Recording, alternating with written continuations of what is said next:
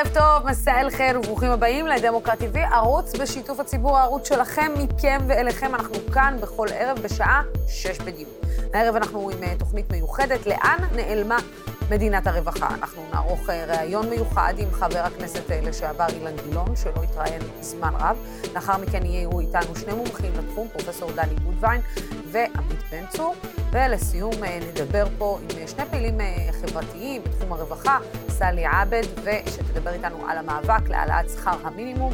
ועמרי אברמוביץ', שידבר איתנו על מצוקת חסרי הבית. אבל לפני הכל, אתמול ראיינתי כאן את חבר הכנסת לשעבר אילן גילאון, רעיון ראשון מזה המון זמן, כן. כשמדברים על אה, מדינת הרווחה ומאבקים חברתיים, יש שם אחד בולט במיוחד, הוא היה חבר כנסת מטעם מרצ בשלוש קדנציות שונות, הארוכה ביניהן בת 11 שנים, שהסתיימה לפני שנה וחצי. בשנים האחרונות עבר שני אירועים אה, של שבץ מוחי, והוא נמצא בתהליך שיקום אמיץ מאוד. הוא עשה מאמץ מאוד גדול להגיע אלינו הערב לאולפן, וגם ביקש להציג את עצמו כסוציאליסט. אחרי כל כך הרבה שנים באופוזיציה, גילון רואה את המפלגה שלו לוקחת חלק בממשלה. כבר זמן רב שהוא לא התראיין, ויש לנו כבוד גדול לארח אותו. ערב טוב לחבר הכנסת לשעבר. שלום. אהוב ליבי ויקירי, אה, אילן גילון, שלום, שלום לך. פעם הייתי סוציאליסט, עכשיו אני נגישיסט. נגישות. נגישות. אתה יודע, בוא, בוא נפתח עם זה. אני חושבת שאני שאלתי את השאלה הזאת לפני אה, כמה, לפני כמה שבועות, אה, כשדיברנו על מאבק הנכים ועל מאבקים חברתיים, ואמרתי, איך זה יכול להיות שמאז שאילן גילאון העביר את הגדלת הקצבה לנכים, וכולם הסכימו, וזה היה פה אחד, מקצה לקצה, אנחנו עדיין במקום, אנחנו כאילו עדיין תקועים באותו מקום. היה יום אדיר, אני זוכרת שאתה הגעת אליי וראיינתי אותך באותו יום. כל כך שמחת, ואנחנו עדיין תקועים באותו מקום, אילן. אין לי הסבר לדבר הזה. תשמעי, אני, זה בניגוד לכל מה שאני מאמין בו. הרי, מה אני אומר שאני מאמין בנגישות היום, יותר מאשר בסוציאליזם? סוציאליזם, אומר הבן אדם, הכל תלוי באדם, צריך לחנך אותו, לעשות אותו. נגישות, הכל תלוי בסביבה. איך הסביבה נמצאת, הבן אדם מגיב בהתאם. אתה צריך להכין את הסביבה לכך שתהיה מתאימה לכולם בסיפור הזה. ולכן, בעיניי, מדינת הרווחה היא מדינה שלפרט, בקיץ חם לו, ובקיץ, בחורף חם לו, ובקיץ קר לו, שיש לו מספיק כסף, אה, אוכל במקרר, שיש לו כסף לתרופות, ואפילו מספיק, במקרה שלי, מתנה של אה, לקנות מתנה לנכד שלו.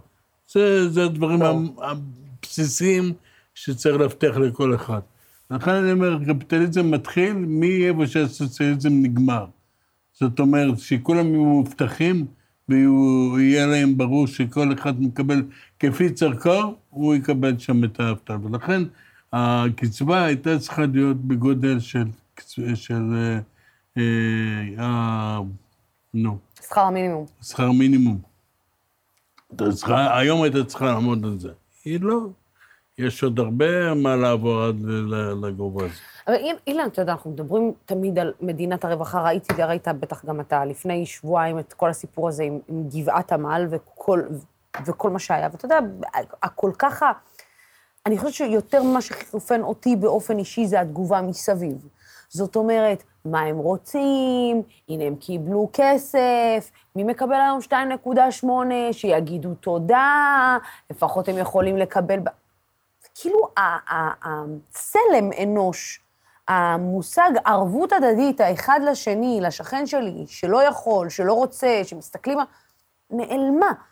אז אני אומרת, כשערבות הדדית נעלמת, איך תתקיים בכלל מדינת רווחה שעכשיו כרגע לא מטפלת בהעלאת המחירים, לא מטפלת בקניית דירה לצעירים, צעירים חוזרים לבתים של ההורים שלהם ואומרים להם, בסדר, בסדר, יהיה בסדר, יהיה בסדר. הורדנו את נתניהו מהשלטון, זה, זה פשוט האחריות של מדינה שלקחה קבוצה של אנשים, שמה אותם במקום שהיא שמה אותם והפקירה אותם לכל דבר, לכל דכפין. זאת אומרת, בסופו של דבר הם נקנו, המדינה שלהם הם חיו, הם נקנתה על ידי גורם פרטי, בלי שהם בכלל ידעו על כך. עכשיו, מה זה, הגורל שלהם לא, לא באחריות אף אחד?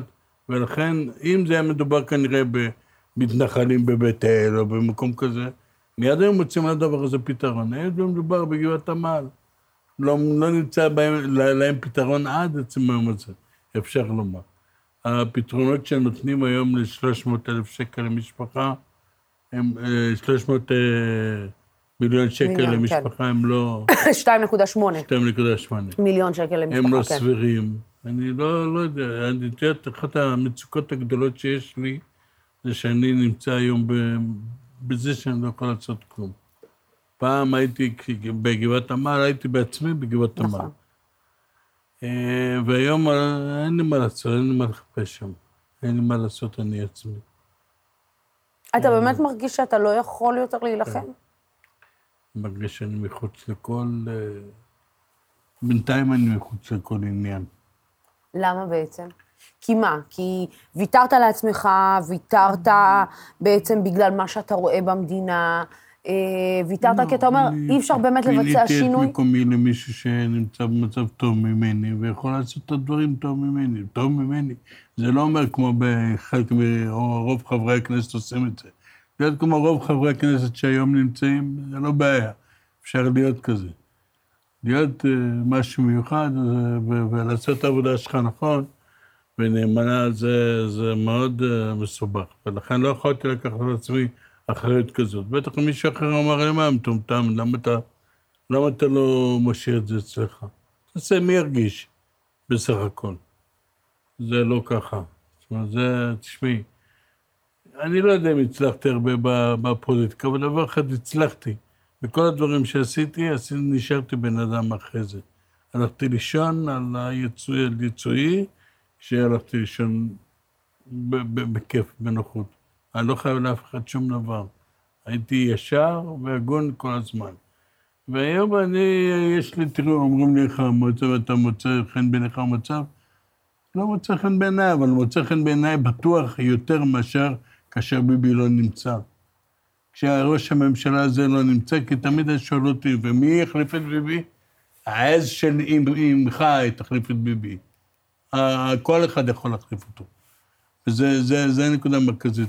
הבעיה הייתה לא שאנשים נקטו באידיאולוגיה שהיא לא הייתה תואמת את האידיאולוגיה שלי, שלא הייתה שמאלנית, סוציאליסטית, אלא שעובדה, היו לי חברים, חברים טובים, כמו רובי ריבלין למשל, שהם חברים מאוד טובים, והם היו, לא הסכמתי איתם על דבר אחד בעצם, על דבר אחד אפילו. אבל ידעתי שמקור הנביאה של הדמעות שלו נובע מאותו מקום שצריך לנבוע. והבנתי איפה המקום הזה. ולכן הסיפור הזה כאן, של הביבי ומלחכי פנחתו, עם כל הפוליטיקאים האלה שהם היו בסך הכל, כולם נראים דומים, כי הם צריכים להיות, לרצות אותו דבר, זה לא יכולתי לסבול את זה. לא יכולתי לעשות את זה עד כדי כך, שאני לא הייתי קונה מהאיש הזה קלנועית משומשת, תאמיני לי. לא. ועדיין, אילן, אתה, אתה יודע, אני רואה אותך. הרי כשאתה, אתה לא רואה בעיניים. כשאתה רוצה, אתה לא רואה בעיניים. אתה לא חושב ש, שאתה היית אמור להיות שם היום, בתוך הקואליציה? מה הייתי אמור להיות, אבל... אתה, uh... המפלגה שלך פעם ראשונה מגיעה לממשלה מזה המון זמן, פעם ראשונה כן. שהיא חלק מקואליציה מזה המון זמן. אתה לא מסתכל מהצד ואתה אומר, אה, יכול להיות ש... אה, יכול להיות שמתחשק לי, אבל מה לעשות שאני לא, לא בכוחותיי, לא יכול. לא נמצא בזה, אני בטיפול דיאליזה, זה סיפור שלא הולך ברגע, תאמיני לי. ואין לי את הכוחות לעשות את הדברים האלה. אני רואה איך את היום שלי, איך הוא מתנהל היום. זה כמו בן אדם שהיה חל, חי במלא פול גז, בפול גז של 160 אה, מעל, מעלות ביום, והוא הגיע למצב של כלום, של אפס מעלות. שום דבר. וזאת אחת הבעיות. אז לכן אני מסתכל על החברים שלי, הם באים אליי, גם ניצן, גם החלקים האחרים בבית, אני גם נפגש עם חלקים ממפלגות אחרות ושונות. ונותן את דעתי, אבל זה הכל. אני אהיה על, על תקן של אדמו"ר עכשיו. זה, זה כן. נורא להיות על תקן של אדמו"ר. זה לא רע להיות על תקן של האדמו"ר ולהסתכל על דברים מבחוץ, ואולי, אתה יודע, דברים שרואים משם לא רואים מכאן, אמר אז אריאל שרון, לא? אבל אני לא לוקח את עצמי באותה רצינות שהאדמו"רים לוקחים את עצמם, אז זה לא משנה. אה, אני יכול לתת עצות, זה הכל. ולתת עצות זה, את יודעת כמו מה זה. אני לא יודע, אני, בשלב הנוכחי זה מה שנראה לי, כדבר שהוא עומד לקרות. וכשאתה מסתכל על הממשלה הנוכחית, ואתה רואה את ההתנהלות שלה, אתה אומר לעצמך, לזה פיללנו וקיווינו, לא, או, ש... לא, או שזה... לא, אני חושב שזה ברירת מחדל, זאת חזית הצלה לאומית, אני קורא לה. זה, זה מה... כל התפקיד שלה. שתחזיק מעמד, אילן? שתחזיק מעמד, כמה שתחזיק מעמד, העיקר הדבר הזה שלא האמנו ולא פיילנו שהוא יקרה, הוא קרה, שביבי כבר לא נמצא במקום הזה. זה מאוד מאוד חשוב העניין. והוא עדיין בסביבה. אתה יודע מה? אני, אני, אני, אני אאתגר את זה עוד יותר. אתה לא חושב שאולי, אתה יודע, אני מסתכלת היום, קמתי בבוקר וראיתי איך כולם מתעסקים עדיין בנתניהו, ונתניהו ככה, ונתניהו ככה, ונתניהו אמור להתראיין פה, ונתניהו אמור ככה, ועכשיו יש את ההשקה של ערוץ, אה, אה, אה, הייתה את ההשקה של ערוץ 20, 14 החדש, ואז, אתה יודע, הוא יגיע, הוא לא יגיע, והנה זה ערוץ של נתניהו, לא... אולי ההתעסקות הזאת סביב נתניהו כל היום, גם כשהוא לא בשלטון, בסוף בוא, היא בוא גם רעה חולה. בואי בוא נראה מה השאלה לנתניהו. עכשיו בואי נגיד שלא כלום, אין כלום כי לא היה כלום, וכל השטויות האלה שהוא מדבר עליהן. אני, אם האנשים היו חושבים עליהם מה שחושבים על האיש הזה, אני הייתי מתבייש מהשכנים שלי. הייתי מסתתר בבית, נכנס שמונה מטר באדמה ולא יוצא החוצה, כדי שמישהו לא יגיד עליהם משהו. איזה מין דבר זה, איזה אדם זה, בחייך. וזאת בעיה. אבל, ובכל זאת, ובכל זאת, אילן, אולי בסוף ההתעסקות, האובר התעסקות הזאת בנתניהו, היא לא טובה. היא לא נכונה. כי אתה יודע מה, אני אומרת, הנה, הוחלף. אולי צריך להתנהג אליו כמו שמתנהגים לכל יושב ראש אופוזיציה אחר. כמו שהתנהגו ליאיר לפיד אה, בזמנו, כמו שהתנהגו לשלי יחימוביץ', כמו שהתנהגו ל... כי אני נגיד מרגישה שזאת אומרת, ההתנהלות עדיין היא סביב נתניהו, בהרגשה שאם זה בעולמות התקשורת ואם זה בקרב הפוליטיקאים, כאילו הוא עדיין נושף בעורף. ואולי, אתה יודע, לפעמים להתעלם מאדם, זאת, זאת התרופה הכי מסכים, טובה. אני מסכים איתך. אני חושב שצריך להתנהג בצורה אחרת, אני חושב שיש overdoing בעניין הזה. שלום. זה לא עזר לי, אני לא יכול אה, להתמודד, להתקומם כנגד זה. אבל זה באמת, אני מסתכל על הבן אדם הזה, מה לא נאמר עליו? עכשיו זה סיפור של התכשיט הזה, שאשתו קיבלה את התכשיט היקר הזה. נניח שזה לא היה 50 אלף דולר, נניח זה היה 5,000, לא משנה. איזה מין דבר זה, איזה מין... איך אנשים מעזים בכלל להעלות את הדעת במחשבתם אה, מין, מין מעשה שכזה. והנה, והם נשארים כאן, והכל בסדר. ואילן, אתה יושב ואתה רואה את הממשלה הזאת... יושב דודי אמסלם, וחושב את עצמו שהוא השופר הגיבור שלו, שהוא... או רגב, או אתה יודע, או כל... רגב, או... ועדיין אתה רואה, אתה, אתה יושב ומסתכל על, על מה ש... על הממשלה הזאת, ואז אתה אומר לעצמך, רגע, הבטיחו הרבה מאוד הבטחות. הבטיחו לא, לא לגעת בכספים קואליציוניים, ונוגעים בכספים קואליציוניים. הבטיחו לחלק את העוגה רגע קצת אחרת, ולא מחלקים אותה כמו שצריך. הבטיחו הורדת מחירים, והנה אנחנו חווים מהרגע של העלייה של הממשלה הזאת רק עליית מחירים. הבטיחו, אה, אתה יודע, התנהל... אנחנו מסתכלים על הממשלה, זה... את אומרת שהממשלה היא לא של מרץ ושל האחרים, זה נכון, אני מסכים איתו. עצם זה שליברמן יכול להיות שר אוצר, יש פה בעיה. הבטיחו, מה הבטיחו? את יודעת שאני... יאיר לפיד, עכשיו אני, השתנתה דעתי הרבה, אבל אני תמיד הייתי חושב עליו שהוא תמיד מזכיר לי את גרצ'ו מרקס. את יודעת שתמיד אמרו, אמרו, אמרו לו, מה, זה הדעות שלך, אתה לא מתבייש? אז אמר, זה הדעות שלי, אבל אם זה לא מתאים לך, יש לי דעות אחרות. אז אני מצטער, בוודאי שיש את הבעיה הזאת, אבל הבעיה הזאת היא כאינו כאפס לעומת מה שהיה קודם. על, על אף שטח, על, אף... אה... יודע, על אף היותו נפתלי בנט ראש ממשלה, שיש לו תפיסת עולם כלכלית, קפיטליסטית. לכל דבר יש את המידתיות שלו. ליברטריאנית. יש שחיתות ויש שחיתות, יש... לכל בן אדם יש את המדיניות, את זה שלו. בוודאי, אני לא, לא מבסוט מדברים מסוימים לפעמים שבמרץ עושים, אז מה? בכל אופן, זה קורה, אבל אה, צריך לדעת איפה אתה נמצא. ואני חושב שכאן בעניין הזה אני דווקא די מברך. אני אומר, ברוך שפטרנו, ועכשיו צריך לחשוב על מחשבה אחרת. צריך להוליד מחנה דמוקרטי גדול. אני חושב שהבחירה הזאת, ותמיד חשבת עליה, ללכת למחנה של הבחירה הלאומית, המחנה להצלה לאומית, כמו שהיה בצרפת אחרי מלחמת העולם השנייה. מחנה גדול. ושהוא יכול לכלול את, את העבודה ואת מרץ ואת אה, אה, המשותפת, את כל, כל מיני מפלגות שיכולות לחבור לכלל דבר אחד, שגם ערבים וגם יהודים. זה מאוד חשוב לעשות. אתה יודע, אני מסתכלת על אה, כל מה שקורה כרגע, תקופת אה, הקורונה. אתה יודע מה, לפני שאני אגע בעניין מערכת הבריאות והקורונה, אני כן רוצה לשאול אותך, התחלת לגעת בזה על נפתלי בנט. אתה מכיר אותו, עבדת איתו, ראית במסדרונות הכנסת.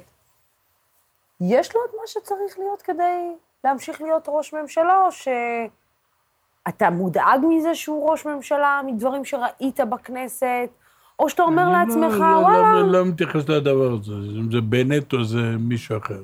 בכלל לא, לא אכפת לי, זה לא משנה לי. מה את חושב שזה באמת, באמת אכפת לי אם זה בנט או שזה הבת של גאולה אבן? בחייך. זה שטויות, זה הכל זה עניין של מה, מה קורה בינתיים. מה, איזה מציאות הוא יכול לייצר מסביבו. מי הוא ומה הוא, אני לא יודע, אני לא... ואיזה, ואיזה מציאות אתה חושב שהוא מייצר מסביבו? אני חושב שהוא לא, לא מייצר מציאות של אמון, בסופו של דבר. זה מה שקורה, הוא לא, אלקטורלית הוא לא עולה, זה ברור לגמרי. ו... אבל בינתיים הוא צריך להחזיק מעמד, כדי ש... ש... שהדברים יעברו, שאנשים יראו שאפשר לחיות בלי הסיפור הזה של נתניהו. וברגע שהדבר הזה יעבור, אפשר יהיה ללכת שוב לאיזושהי מערכת, בסך הכל, מפלגת העבודה שנבין, היא ממפלגת שלטון הפכה לכזאת מצומצמת. אז לכן אני חושב שהדברים האלה צריכים ביחד להיות, ולגדול לכלל מחנה אזרחי שיכול להיות הרוב. המחנה האזרחי הזה צריך לדאוג שמדינת ישראל בהתחלה תהיה קודם כל סוציאליסטית ואז נגישותית. שתדאג שהסביבה תהיה טובה לכל אחד. אתה יודע, שר אה, הבריאות הוא ניצן הורוביץ, התיק הזה, בתקופה כל כך קשה, נמצא במפלגה שלך, ואתה אומר, המפלגה שלי מתנהלת נכון עם התיק הזה, או שהיא כן. קצת מאבדת את הצפון והדרום? אני חושב שבהחלט לא נכון, נכון ביותר, ואני חושב שקודם כל יש תוספת גדולה מאוד לתקציב הבריאות, זה דבר אחד. השקעה בתחומים של אה, בריאות הנפש, שהייתה בעבר, הייתה מאוד סובלת מהבחינה הזאת. הנושא של המתמחים, אלה הם דברים חשובים מאוד. וחוק בריאות, הסמכויות, ואיכוני השב"כ. חינוך, ו... בריאות, תעסוקה, קורת גג, אלה הם דברים שהם בסיסיים במדינת רווחה, שקראו לה פעם מדינת רווחה. זה מהו החלק של המדינה בתוך החיים של הפרט. זאת אומרת, באיזה חלק המדינה תופסת. לא עמותות שעושות את זה, זה לא הנקודה. ולכן דברים שהם סוציאליים, והם יותר, יש יותר דברים שהם חינם שהמדינה נותנת אותם, כמו חינוך, בריאות, תעסוקה, קורת גג, ביטחון. אלה הם דברים מאוד מאוד בסיסיים שאיתם אפשר להתחיל איזושהי עבודה. רוצים להיות קפיטליסטים? לאחר מכן. אגב, ועניין, ה... ועניין חוק הסמכויות ואיכוני השב"כ, אילן, זה דברים שהם, אתה יודע, אם אנחנו מדברים על, על, על מפלגה שהייתה, צעקה עוד, עוד בתקופה של נתניהו, על איכוני השב"כ, ועל, כן. ה, ועל, ה, ועל ה, אה, לקיחת סמכויות יותר מדי לידי הממשלה וידי משרד הבריאות. היום אנחנו פתאום מוצאים שהממשלה הזאת נוקטת, גם מניצן הורוביץ, נוקט ומצביע אה, בעד הדברים האלה. צריך לדבר על כך. אני בכלל מסכים איתך. יש עוד, יש עוד בעיות שצריך לדבר עליהן. כמו איכוני השב"כ, אלה הם דברים חמורים מאוד, שהם לא חייבים להיות. יש דברים שהם לא יכולים לקרות, נניח, אנחנו לא נלך למדינה פלסטינית עם בנט בראש. יחד עם זאת, לא צריך לעשות חקיקה מן הצד השני. צריך ללכת לאיזשהו מודוס ויבנדי, לאיזשהו מצב שבו אפשר לחיות ולעבור. לעבור ללא זעם את, ה, את התקופה. בהחלט, איכוני השב"כ זה דבר חמור ביותר. אז יכול להיות שאתה יודע, אה, יש דברים שאתה אומר, שהם אומרים אחרת כשנמצאים באופוזיציה, ואז כשאתה נמצא בקואליציה, אתה, זה, זה נראה לא קצת אחרת לגמרי? אני לא מקבל את זה מראש, לא, זה בכלל, זה שטותי הדבר הזה. זאת אומרת, אני יודע מראש שאני היום בקואליציה, שאני יכול לעשות דברים מסוימים. אני לא יכול לעשות כל דבר, אבל דברים מסוימים אסור שיעברו עליהם. יש לי את הלאווים שלי, ואני לא מתכוון שיהיה לי, לא, לא ייתנו לי מדינה, מדינה, לא יעשו לי מדינת הלכה, זה אי אפשר מצד אחד, כי אני לא אקבל את זה. ולא את הצד השני גם כן. זאת אומרת, יהיה איזשהו מודוס ויבנדי בסיפור הזה, שדבר יתחיל, ימשיך להתקיים עם הגורמים החזקים, החדשים, כדי להתחיל להרגיל את המערכת. לאחר מכן ללכת לבחירות, שיהיו בחירות שאני חושב שבבחירות הבאות יצטרכו להיות שני גושים גדולים באמת, לעשות משהו בנושא של אחוז החסימה, כדי שיהיו שני גושים גדולים באמת, אחד קפיטליסטי ואחד סוציאליסטי, נקרא לזה ככה, אחד דמוקרטי ואחד רפובליקני. שמרני וליברלי. בוא נודה על האמת, זה המקום שהגענו אליו. כן, של אנשים טובים שרוצים לחיות ושל מניאקים. זה פחות או יותר מה ש... אתה יודע מה? דיברת ככה, אני רוצה כן לשאול אותך על עניין השיח. אתה יודע, אם יש משהו שהידרדר בשנים האחרונות במדינה, זה עניין השיח. וכשאנחנו מסתכלים על איך אנשים... השיח או השיח? השיח, השיח. השיח. השיח כן. בינינו. יצא לי לראות את אה, מירי רגב בסוף השבוע, אה, קוראת אה, לרינה מצליח, אתם השמאלנים, את השמאלנית, אתם זה, אתם בתקשורת, אתם אתם. וזה מקצין עוד יותר כשזה מגיע לעניין החיסונים. זאת אומרת, השיח שהיה על רקע פוליטי, הפך להיות גם עוד יותר על רקע כן חיסונים, לא חיסונים. זאת אומרת, הפסקנו למצוא את המקום הזה שבו אנחנו יכולים באמת לדבר, להקשיב אולי לחששות, לפחדים, לדעה אחרת, ולהגיד, אוקיי, זה קיים. אפשר להסכים, אפשר לא להסכים, אבל זה קיים. אבל אנחנו באופן אוטומטי לא יכולים, לא אומרים את זה. אנחנו פוסלים. פוסלים, ולא מוכנים לשמוע משהו שהוא שונה מהדעה שלנו. וזה לא נראה שזה גם משתנה עם ממשלת השינוי הזאת, שחרתה על דגלה שינוי בשיח, דרך אגב. טוב, אני לא כל כך הייתי בקלות uh, מערבב את העניין של החיסונים עם כל הנושאים האחרים. זה לא, לדעתי, לא נוחה. יש לי אפס סבלנות בעניין של החיסונים. צריך שיהיה ברור לגמרי. ואני חושב שכאן יש הוכחות שהן הוכחות לאללה. על מה אנחנו הולכים ומה לא הולכים. אבל בוא נגיד שלגבי השיח כולל, כולו, מירי רגב, וכל השופרות האחרים שהם שופרות של אותה משטמה, זה דבר שהורגל, זה בדיוק מה שהתכוונתי, שאי אפשר להמשיך לחיות איתו. הדבר הזה, השנאה הזאת, המשטמה הזאת, זה, זה, זה הדבר הבעייתי ביותר שיש במחשבה כאן. התחלת להגיד על העניין הזה של החיסונים, אני מבינה שאתה אה, לא מוכן לשמוע שיח של, שבא ואומר, אני מתנגד לחיסון. אה, מי שלא רוצה להתחסן, שלא יתחסן, איך עם זאת, אתה לא יכול לכפות על כל האחרים חוסר אחריות כזאת, ש, שאתה לא, לא אכפת לך שום דבר. זה לא יכול להיות. עכשיו, זה משנה, משמש טריגר, בסך הכל החיסונים וכל האנשים האלה, זה אותם אנשים. אתה רואה את, את אותם אנשים שהולכים ומשתמשים בכל דבר כזה.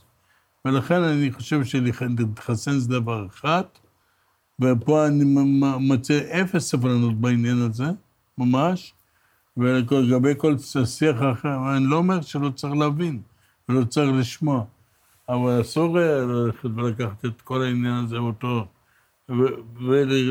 ולתוך אותו עניין. זאת אומרת, אתה אומר, אה, אתה לא מרגיש שגם פה אולי המדינה פספסה בעניין שיח החיסונים אה, של... כשהמדינה באה ואומרת, אני מכניסה אנשים כאלו ואחרים למקומות, כשאתה כבר מתחיל לשמוע במדינות מסוימות שאומרים, אוקיי, אנחנו נפעל כנגד אנשים שמחליטים לא להתחסן, במדינות דמוקרטיות, דרך אגב, אה, במדינות באירופה. זה לא... אז אתה לא חושש, והעניין של איכוני השב"כ, והעניין, ש- אתה לא חושש שהדברים האלה יזלגו לא, אלינו? זה- הזכות של הבן אדם לקיום קודמת לכל זכות אחרת, שתבין. ובואי, כי אנחנו יכולים להיות באמת, אה, הזכות להתקיים, הזכות לבריאות, היא קודמת לכל מדיניות, לכל דבר אחר. ולכן המחשבה היא כל הכבוד, אתה רוצה להיות אה, חופשי, לא להתחסן, זכותך, אבל אז זה יחול עליך כל הכללים האחרים. תצטרך לעשות בדיקה בכל כל, כל שבוע. אני כבר לא יודע בעצמי, אני לא מבין את הבדיקות ה-PCR, PCA, בכלל, מי, מי יודע, מי יכול להבין את הדבר הזה? צריך ללכת להתחסן ולגמור את העניין הזה, אם כבר מדברים על כך. ולגבי הוויכוח, תראי, אה, ביבי, אחד הדברים שהוא אהב לעשות אותם זה, הוא אמר, הערבים נוהרים לקלפיות, תתפסו אותם.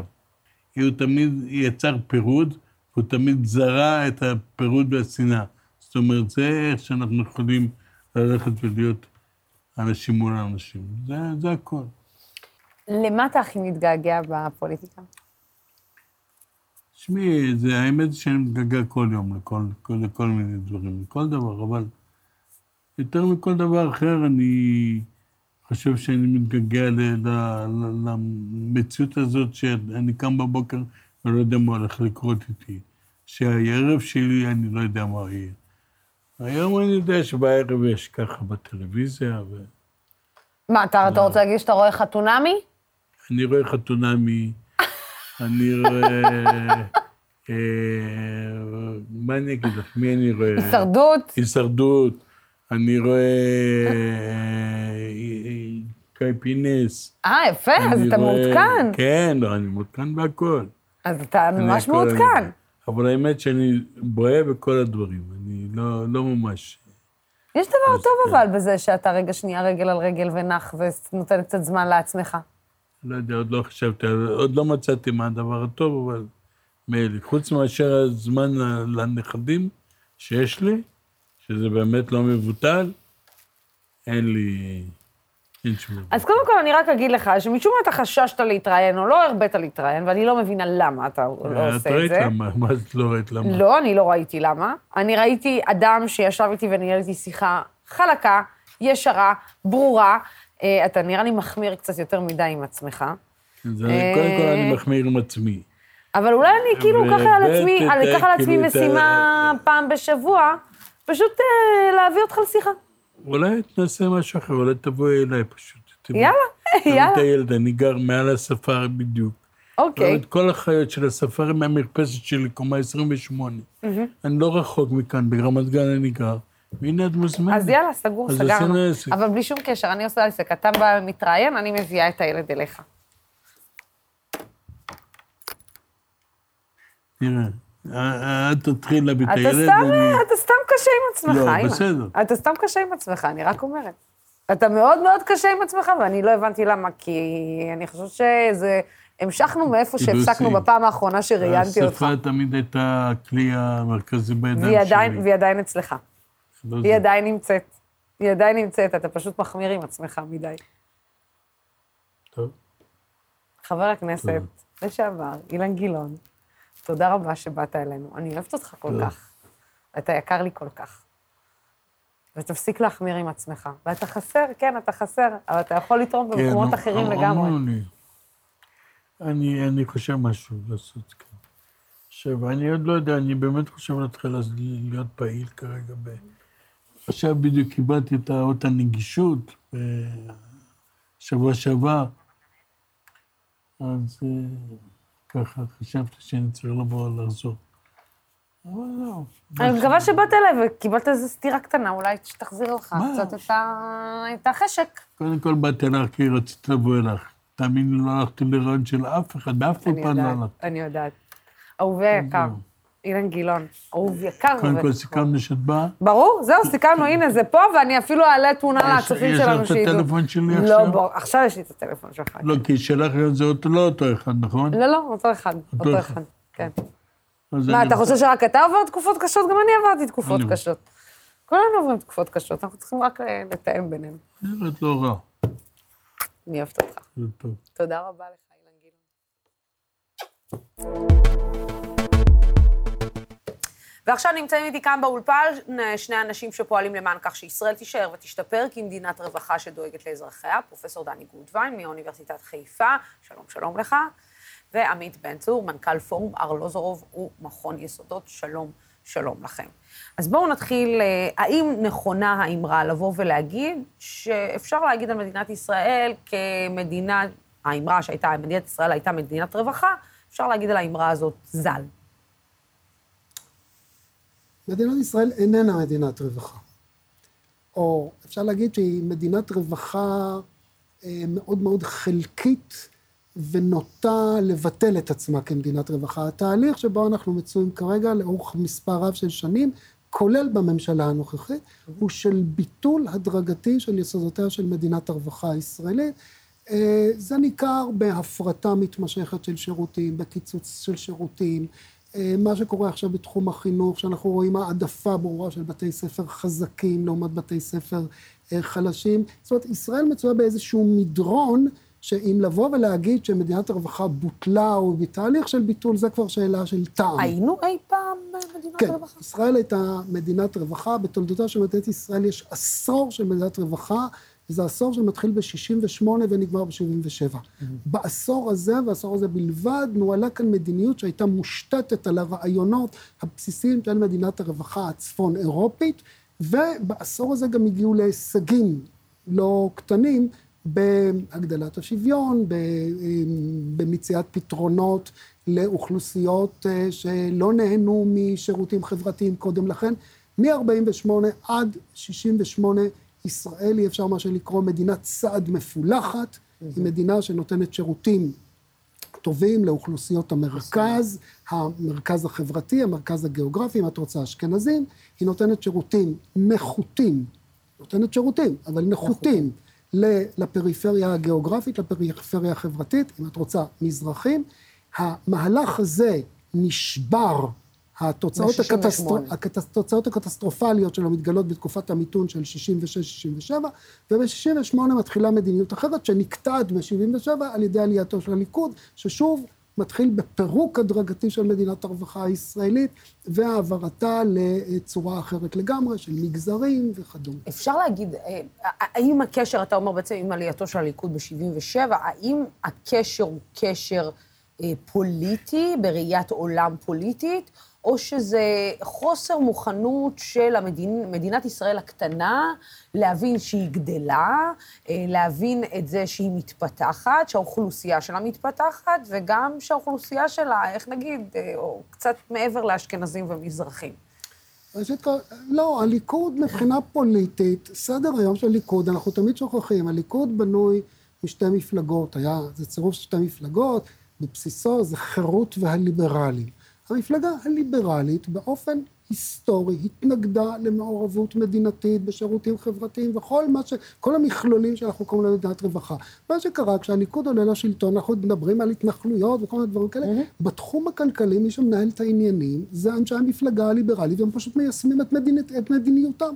ומאחר ומדיניותם הייתה שתהיה פחות מדינה ויותר שוק. הם עשו פחות מדינה ויותר שוק. זה מדיניות. עכשיו, הם, הם זוכים לזה בתמיכה רחבה מאוד מצידו של מנחם בגין, כן? שעם כל אה, הדימוי הציבורי שלו של האב הטוב והמטיב, בעצם אה, סלל את הדרכים לפירוקה של מדינת הרווחה הישראלית, וצריכים להגיד שהחל מאמצע שנות ה-80, השמאל, מפלגת העבודה, מרצ, מצטרפות כן. בששון ובחדווה לפירוקה של מדינת הרווחה הישראלית, ותהליכי הפרטה מאוד מסיביים, הבולט שבין, שמוביל את התהליך הזה זה יצחק רבין, אה, הרבה מאוד שמעון פרס, אהוד ברק, אבל פה נוצר הברית הגדולה בין הימין והשמאל. זאת אומרת, העידן האינדיבידואלי התחיל לפרוח כבר, אתה אומר, בשנות ה-80. אה, זאת אומרת, הראייה שכל אחד צריך לעשות לעצמו כבר פרח בשנות ה-80, יותר מאשר שכולנו צריכים רגע לעבוד גם בשביל כולנו, כדי שהחברה שלנו גם ביחד תתחזק, וגם אני כאינדיבידואל יכול לפרוח הרבה יותר טוב. לא, צריך להגיד, בשנות ה-80 מה שקורה הוא ש... הברית הזאת בין הליכוד והמערך בעיקר, אבל גם מרץ בזמנים מסוימים, הברית הזאת הייתה ברית של המעמדות המבוססים.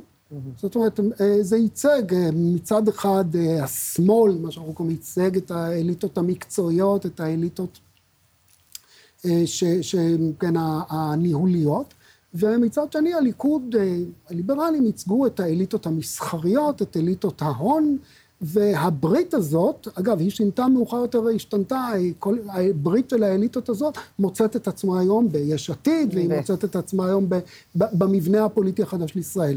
אבל העניין הוא לא היה של דואגים, לא דואגים, אלא פשוט מאוד קבוצות חברתיות שחשבו שהסדר שבו הם תוכלנה לממן לעצמם שירותים, הם תשלמה פחות מיסים, או שהמדינה תתערב פחות, נפריט את כל המפעלים, אז נעשה ביזנס מצוינים, כי אנחנו מסוגלים לנהל שוק וכדומה.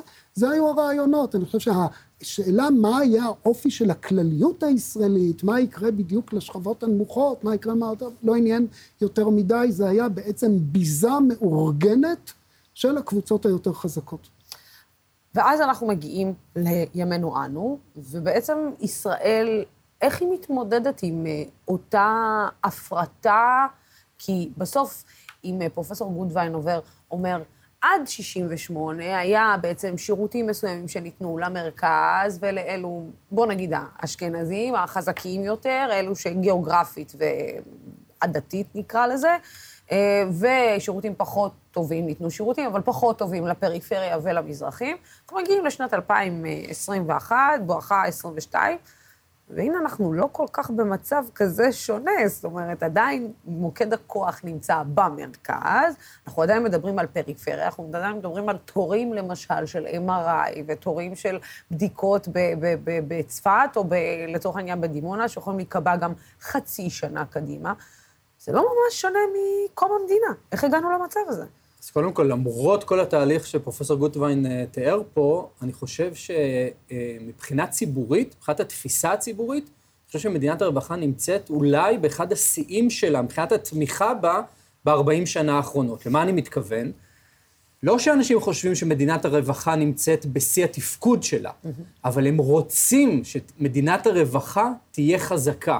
אנחנו רואים את זה לאורך כל השנים האחרונות, ובשנתיים האחרונות, בתקופת המשבר של המגפה, ב, אה, ביתר שאת, שאנשים מבקשים, מחפשים את השירותים שמדינת הרווחה צריכה לתת להם, בבריאות, בתעסוקה, ברווחה, בביטחון הסוציאלי, בחינוך ועוד.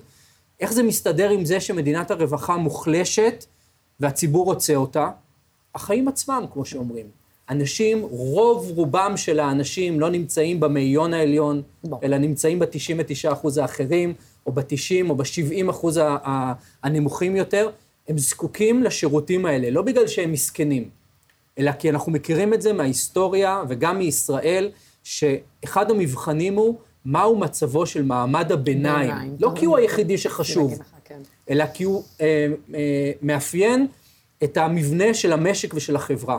ואנחנו רואים שלאורך 40 שנה האחרונות, כמו שתואר פה, מדינת הרווחה כווצה, הוחלשה, קוצצה, באו אדריכלי הקיצוץ ואמרו, רגע, תראו, היא לא מתפקדת, אז בואו נפריט אותה. ובעצם מה יצרנו פה, מה הם יצרו? שבעצם יש איזשהו מין אפקט פיגמליון כזה, שאנחנו לא משקיעים במדינת הרווחה, אנחנו מקצצים את הכנפיים שלה, הופכים את, חלק, את חלקים ממנה לסחורה בשוק, שאם יש לך כסף אתה תקנה את זה, ואם אין לך אז לך תסתדר. ואז אנחנו אומרים, תראו, היא לא יעילה, אז בעצם אנחנו גם לא יכולים לבנות אותה מחדש. ומה שראינו בשנה וחצי האחרונות בעולם, היו לזה קצת ניצוצות בישראל, אבל בעיקר בעולם, שהציבור אומר, אנחנו רוצים מדינה שנותנת לנו שירותים רחבים יותר. התפרסם לפני כשבוע מאמר באקונומיסט, לא עיתון כלכלי שתומך במדינת הרווחה באופן מסורתי, שהכותרת שלו הייתה משהו כמו אה, חזרתן, חזרתן של הממשלות הגדולות. כמובן שזה היה, זאת הכותרת, המאמר עצמו דיבר, תקף, למה אסור שהממשלות יחזרו להיות גדולות, אבל יש פה איזושהי התנגשות בין שתי תפיסות עולם של מהי האחריות של חברה כלפי האנשים שחיים בה. אתם יודעים, אני, אני, אני שואלת את עצמי, אתה פשוט הדגשת את מעמד הביניים, ואני פתאום רואה שחיקה של מעמד הביניים, שמעמד הביניים היה אמור להיות, או ש... איך נגדיר את זה, המתווך. אה, העצמאים, אלו שרגע מחזיקים את החברה אה, ויכולים לתת גם לזה ויכולים לצמוח גם למעלה. אנחנו מצטמצמים במעמד הביניים, לא רק שאנחנו מצטמצמים, אלא אנחנו כמעט נעלמים. זה או שאנחנו, יש לנו את הקפיצה למעלה, או שאנחנו יורדים למטה. והשאלה היא, האם זה העתיד, לשם פנינו מועדות? זאת אומרת, האם לשם אני, לצורך העניין, אני היום, שמגדירה את עצמי כמד... כמעמד ביניים, יכול להיות שעוד כמה שנים אני אמצא את עצמי יורדת למטה, או שאני אצטרך להמשיך אה, ולהתגלגל עד שאני אמצא את ה... איך אני אגיד? אני אביא את המכה, ואז אני אצליח לעלות למעלה. וכנראה שהסיכוי הוא מאוד נמוך שאני אביא אם את בונה, אם את בונה על מכות, על להביא מכה, אז, אין אה, מצב. אז, אה, אני מציע לחשב מסלול מחדש. לחשב מסלול מחדש. אה, תראה, תראה, אני רוצה להגיד ככה, עמית כמובן צודק שבכל הסקרים, הישראלים מאוד, אה, כן, מאוד היו רוצים שמישהו ידאג להם. אנחנו גם דואגים אחד לשני, דרך אגב. אנחנו לא. אנחנו לא? אנחנו לא? כי איך העמו- איך העמותות האלה מתקיימות? העמות- וכל ה- העמו- תראה, העמותות זה בדיוק האופן של אי הדאגה. לאחר שהישראלים הופקרו, השיטה, העמותות באות לתחזק את אי הדאגה. לא, כשאני אומרת אנחנו, זאת אומרת, אנחנו מוצאים את עצמנו, בעצם דואגים, ל- למש... קונים סלי מזון, תורמים לזה, כן, תורמים לפה, תורמים לשם. בוא- בואי נגיד ככה, אני מציע לא, לא, לא לדאוג בסלי מזון, אלא לדאוג דרך מערכת המס. כן. בישראל, תראי, מי שצריך לדבר עליו זה השכבות החזקות. בישראל צריך להיות שינוי מוחלט במדיניות המס, צריכים לגבות יותר מס על כל צורותיו, מס הכנסה, מס רכוש, כל הדברים האלה, מאלה שיש להם, ויש מספיק שכבות שומן שאפשר לגבות. אז כך שבמקום לדבר על כמה עמותות זה נחמד, והם קונים סלי מזון ומביאים, וכל אחד מרגיש מאוד מאוד בסדר, טוב. כדאי שנדבר על מדיניות, מדיניות זה מס, מדיניות זה אה, שירותים חברתיים. צריך להגיד, תראי, העסק הזה יביס את עצמו משום שישראל בעצם שוחקת על ידי מערכת חינוך בלתי סבירה, היא שוחקת את כל בסיס ההייטק שלה למשל. יש פה איזו אשליה שההייטק תמיד ימשיך להתקיים. צריך להגיד, ההייטק הישראלי מתקיים בזכותם של העולים מברית המועצות. ובזכות השקעה מסיבית של צה"ל ב-8200 ובדומותיה. זאת אומרת, איפה, שיה, איפה שהאלמנט המופרט היה צריך לפעול, הוא מחסל את התשתית. זאת אומרת, ישראל עובדת נגד עצמה. פירוק מדינת הרווחה בעצם היום מתש... מת- עובד ומפרק את, את המנוע המרכזי של הכלכלה הישראלית, שזה ההייטק. עכשיו, צריך להבין, החינוך הגרוע שניתן בישראל במערכת החינוך הישראלית היא מערכת גרועה, היא מספקת חינוך גרוע, למעט כמה עשרות תיכונים טובים שמצויים באזורים יותר מבוססים, שבנויים הרבה על השקעת הורים. אוקיי, אז, לא, אז, אז צריך להבין, פירוק מדינת הרווחה, פירושו פירוק תשתית ההייטק. זה, ועכשיו, אגב, ההבנה הזאת, שמדינת הרווחה היא תשתית להון אנושי ולבניין כלכלי, זה אחת ההנחות של מדינת הרווחה. אחת הטעויות הגדולות שמדברים על מדינת רווחה, זה חושב שמדינת הרווחה עוסקת בדאגה למסכנים. היא, היא עוסקת גם בדאגה בדאגה לאנשים חלשים, אבל היא בעיקר עסוקה ביצירת ההון האנושי שהוא תנאי למערכת כלכלית מודרנית, תעשייתית, מתפקדת. ומה שישראל עושה, היא פשוט מערערת את הבסיס הזה, כדי להיענות לאינטרסים של קבוצות אה, בעלות אינטרס, הקבוצות היותר חזקות בישראל. וצריך להבין שזאת גישה, אה, שיטת הטיטניק הזאת, הפוליטיקה של ישראל היא פוליטיקת הטיטניק. אלה שיושבים על, הבס... אה, על הסיפון החמישי, עוד מחכים שהמלצר יביא את השמפניה, ובכלל לא מעניין אותם באלה שכבר טובעים בבס... בסיפון התחתון. ואת הדבר הזה מדינת הרווחה רוצה לשנות. צריך להבין, מדינת הרווחה עסוקה ביצירת כלכלה יציבה, הן מבחינת הון אנושי, הן מבחינת ביקושים. עכשיו, מה שישראל עושה, היא מחסלת את התשתיות לא האלה. רק שהיא מחסלת את התשתיות, אם אני, אם אני הולכת בקו של פרופסור גודווין, אם אנחנו רואים את משבר הקורונה האחרון, לחסל, זה, זה, החיסול הזה של, של מדינת הרווחה אה, בא לידי ביטוי במשבר הזה. זאת אומרת, אם אני מסתכלת על כל המענקים שניתנו וכל... זה גם היה כל כך לא מסודר, כי אף אחד לא הבין מה נותנים, איך נותנים, למי נותנים, אה, בשביל מי נותנים. פתאום אנשים שיש להם קיבלו יותר ממה שהם צריכים לקבל, אה, אנשים שאין להם לא קיבלו בכלל, הסתבכו עם להיכנס בכלל למערכת פשוטה, כי הם לא יודעים איך להיכנס למערכת פשוטה. זאת אומרת, כל האלמנטים האלה שפרופסור גודווין מדבר עליהם, ראינו אותם הלכה למעשה במשבר הקורונה. זה נכון, ואני רוצה דווקא להעיר את הנקודות החיוביות. ראינו למשל שאחד הכלים המרכזיים שהממשלה השתמשה בהם בשנה הראשונה של הקורונה, היה אותם מענקים שאת דיברת עליהם, שהייתה עליהם ביקורת, עד היום יש ביקורת, אני חושב שזה היה אחד הצעדים הכי טובים ונכונים שהממשלה עשתה. לא משנה מה היו המניעים של, גם של המדינה, הצעדים גם האלה. המדינה לא קרסה מזה. כי מה בוא. ראינו? מה ראינו? שהממשלה קיבלה החלטה לתמוך כלכלית באופן ישיר בכל האזרחים שלה, למחרת בבוקר היה כסף בחשבונות הבנק של כל אזרחי ישראל. מה היה המנגנון שהפעיל את זה? המוסד לביטוח לאומי. הכסף אחד, שלנו. אחד היצירים הגדולים של מדינת מדינת הרווחה הרווחה. הישראלית כבר בין כמה עשרות שנים. זה נכון שראינו שכשהמדינה בשגרה לא יודעת לנהל מדיניות רווחה חזקה, יציבה, חדשנית ועדכנית, כשנוצר משבר, היא בהיסטריה, היא לא יודעת באיזה כלים להפעיל. ואז מה עושים? נצמדים למה שמכירים, ולא מייצרים כלים חדשים. הקורונה הביאה איתה משבר מאוד מאוד חמור בעולם התעסוקה, לא רק המפוטרים שאיבדו את מקומות העבודה שלהם, שזה ברור, אלא ערעור בעצם, אנחנו רואים עכשיו תופעה שאנחנו רק בתחילתה, של אנשים שחושבים ארבע פעמים מהי העבודה שהם מתכוונים להשקיע בה את חייהם, גם אלה שהם לא נולדו למשפחה מאוד מאוד עשירה שיש לה גב כלכלי. ואנחנו רואים שיש ניצול של הסיטואציה הזאת ביצירה של כל מיני צורות העסקה חדשות, שהן לכאורה מאפשרות גמישות, שזה משהו שהרבה מאוד אנשים רוצים וצריך לקחת את זה בחשבון ולא להתעלם מהרצון הזה, אבל מהצד השני, כל כולן מבוססות על חוסר אחריות. אין שמה מעסיק, אין מישהו שהוא אחראי לך, אין לך מעמד כשכיר, אז המדינה לא פורסת לך כאילו רשת הופך להיות, ביטחון. זה הופך להיות מדינה של אה, עוסקים אה, מורשים קטנים ו- ולא קטנים, עצמאים, ושפותחים, ועצמאים, פרילנסרים, קבלן. עובד קבלן, כל מיני צורות חדשות כאלה. שגם ככה אנחנו לא במצב טוב, כל סיפור העצמאים להם, ב- ב- בישראל. ש, שבסופו של דבר, אותם אנשים שיכול להיות שבטווח הקצר זה נותן להם מענה לצרכים המיידיים שלהם, אבל כשאנחנו מסתכלים 10, 20, 30, 40 פנסיה. שנה קדימה, מה יהיה. איתם? צריך לבנות, לחזק מחדש את המוסדות האלה, לא לחזור למה שהיה, להסתכל קדימה. הדיון או הוויכוח הקצת מיושן הזה, של או מגזר פרטי או ממשלה גדולה, הוא דיון של שנות ה-80. אנחנו התקדמנו 40 שנה. היום צריך לדבר על שיתוף הפעולה.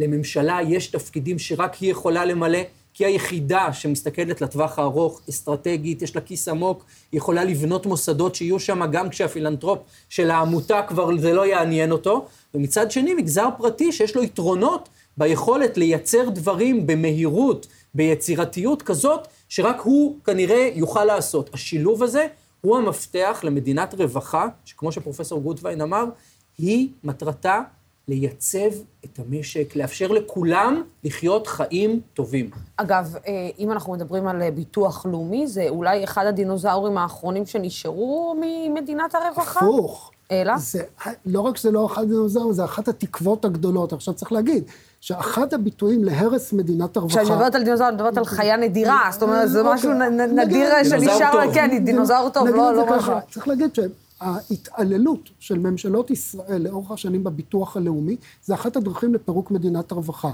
צריך להגיד, משרד האוצר בוזז את הביטוח הלאומי מזה שנים. המעסיקים אה, אה, כן, אינם משלמים את החלק שלהם ב... אה, מה שראוי היה שישלמו לביטוח הלאומי. זאת אומרת, יש בישראל ניוון מכוון של הביטוח הלאומי. צריך להגיד, בהמשך לדבריו של עמית, ישראל הלכה על המודל של החל"ת. יפה. מה היא לא הלכה? היא לא הלכה למודל הגרמני. בעולם שהוא? כולו, המודל הגרמני היה מודל של הבטחת מקומות התעסוקה של אנשים, לא לתת להם קצבאות חל"ת, היום ניתן, נאריך את זה לעוד חודש, עוד חודשיים, עד יוני, לא יוני, אלא אמרו, אתה, אנחנו מקבעים אתכם למקומות העבודה שלכם, המדינה מעבירה את התשלומים, לא לאדם, אלא למקום העבודה, נשמרת הזיקה בין האדם למקום. זאת אומרת, זאת אומרת, המקום העבודה ממשיך לשלם לך כן. משכורת, אבל אתה ממשיך אה, להיות במקום נכון, העבודה אתה שלך. בטוח במקום העבודה שלך, לכשהדברים ישתפרו. זאת אומרת, במדינת ישראל יש מדיניות מוצהרת של פירוק המוסדות שמהם בנויה מדינת הרווחה. אני אומר עוד פעם, כנגד, אה, אה, עמית מתאר בצורה נכונה את תמונת העתיד. אני חושב שצריך להיות ערים לכך שהתמונת העתיד הזאת היום היא תמונה שאיננה, לא הייתה מקובלת על ממשלת נתניהו, שציטט את מילטון פרידמן כדי להסביר למה הוא לא הולך על המודל הגרמני, היא איננה מקובלת על ליברמן. או, שהפ... על ליברמן שהפסיק את החל"ת באופן פתאומי, אפשר היה לעשות התאמות בחל"ת, אבל אי אפשר להשאיר אנשים תלויים על בלימה. וזה מה שנעשה. זאת אומרת, במדינת ישראל מקוימת היום מדיניות של יצירת אוכלוסייה תלויה, אוכלוסייה בלתי בטוחה, מה שבסוציולוגיה העולמית אנחנו קוראים לזה הפריקריאט, המעמד הפגיע, כן? עומד לצאת בקרוב התרגום של הספר הזה לעברית, אפשר יהיה להתוודע ל... למעמד החדש הזה. עכשיו, בישראל, המדיניות שמקוימת בישראל היא מדיניות של אי יצירת אי ביטחון תעסוקתי ואי ביטחון חברתי. זאת מדיניות. עכשיו, אתה יכול לראות אותה מהעדפת, משלילת המודל הגרמני והעדפת חל"ת, מביטול החל"ת על ידי ליברמן, מה הישראלי, ואני אומר עוד פעם, זה נוגע למי? זה נוגע יותר לאנשים החלשים, האנשים שלא חוזרים מרצונם למקומות העבודה, לא חוזרים כי הם לא רוצים לחזור, סלי תדבר על זה בהמשך, כן. למקומות של שכר מינימום של 29, 29 שקלים.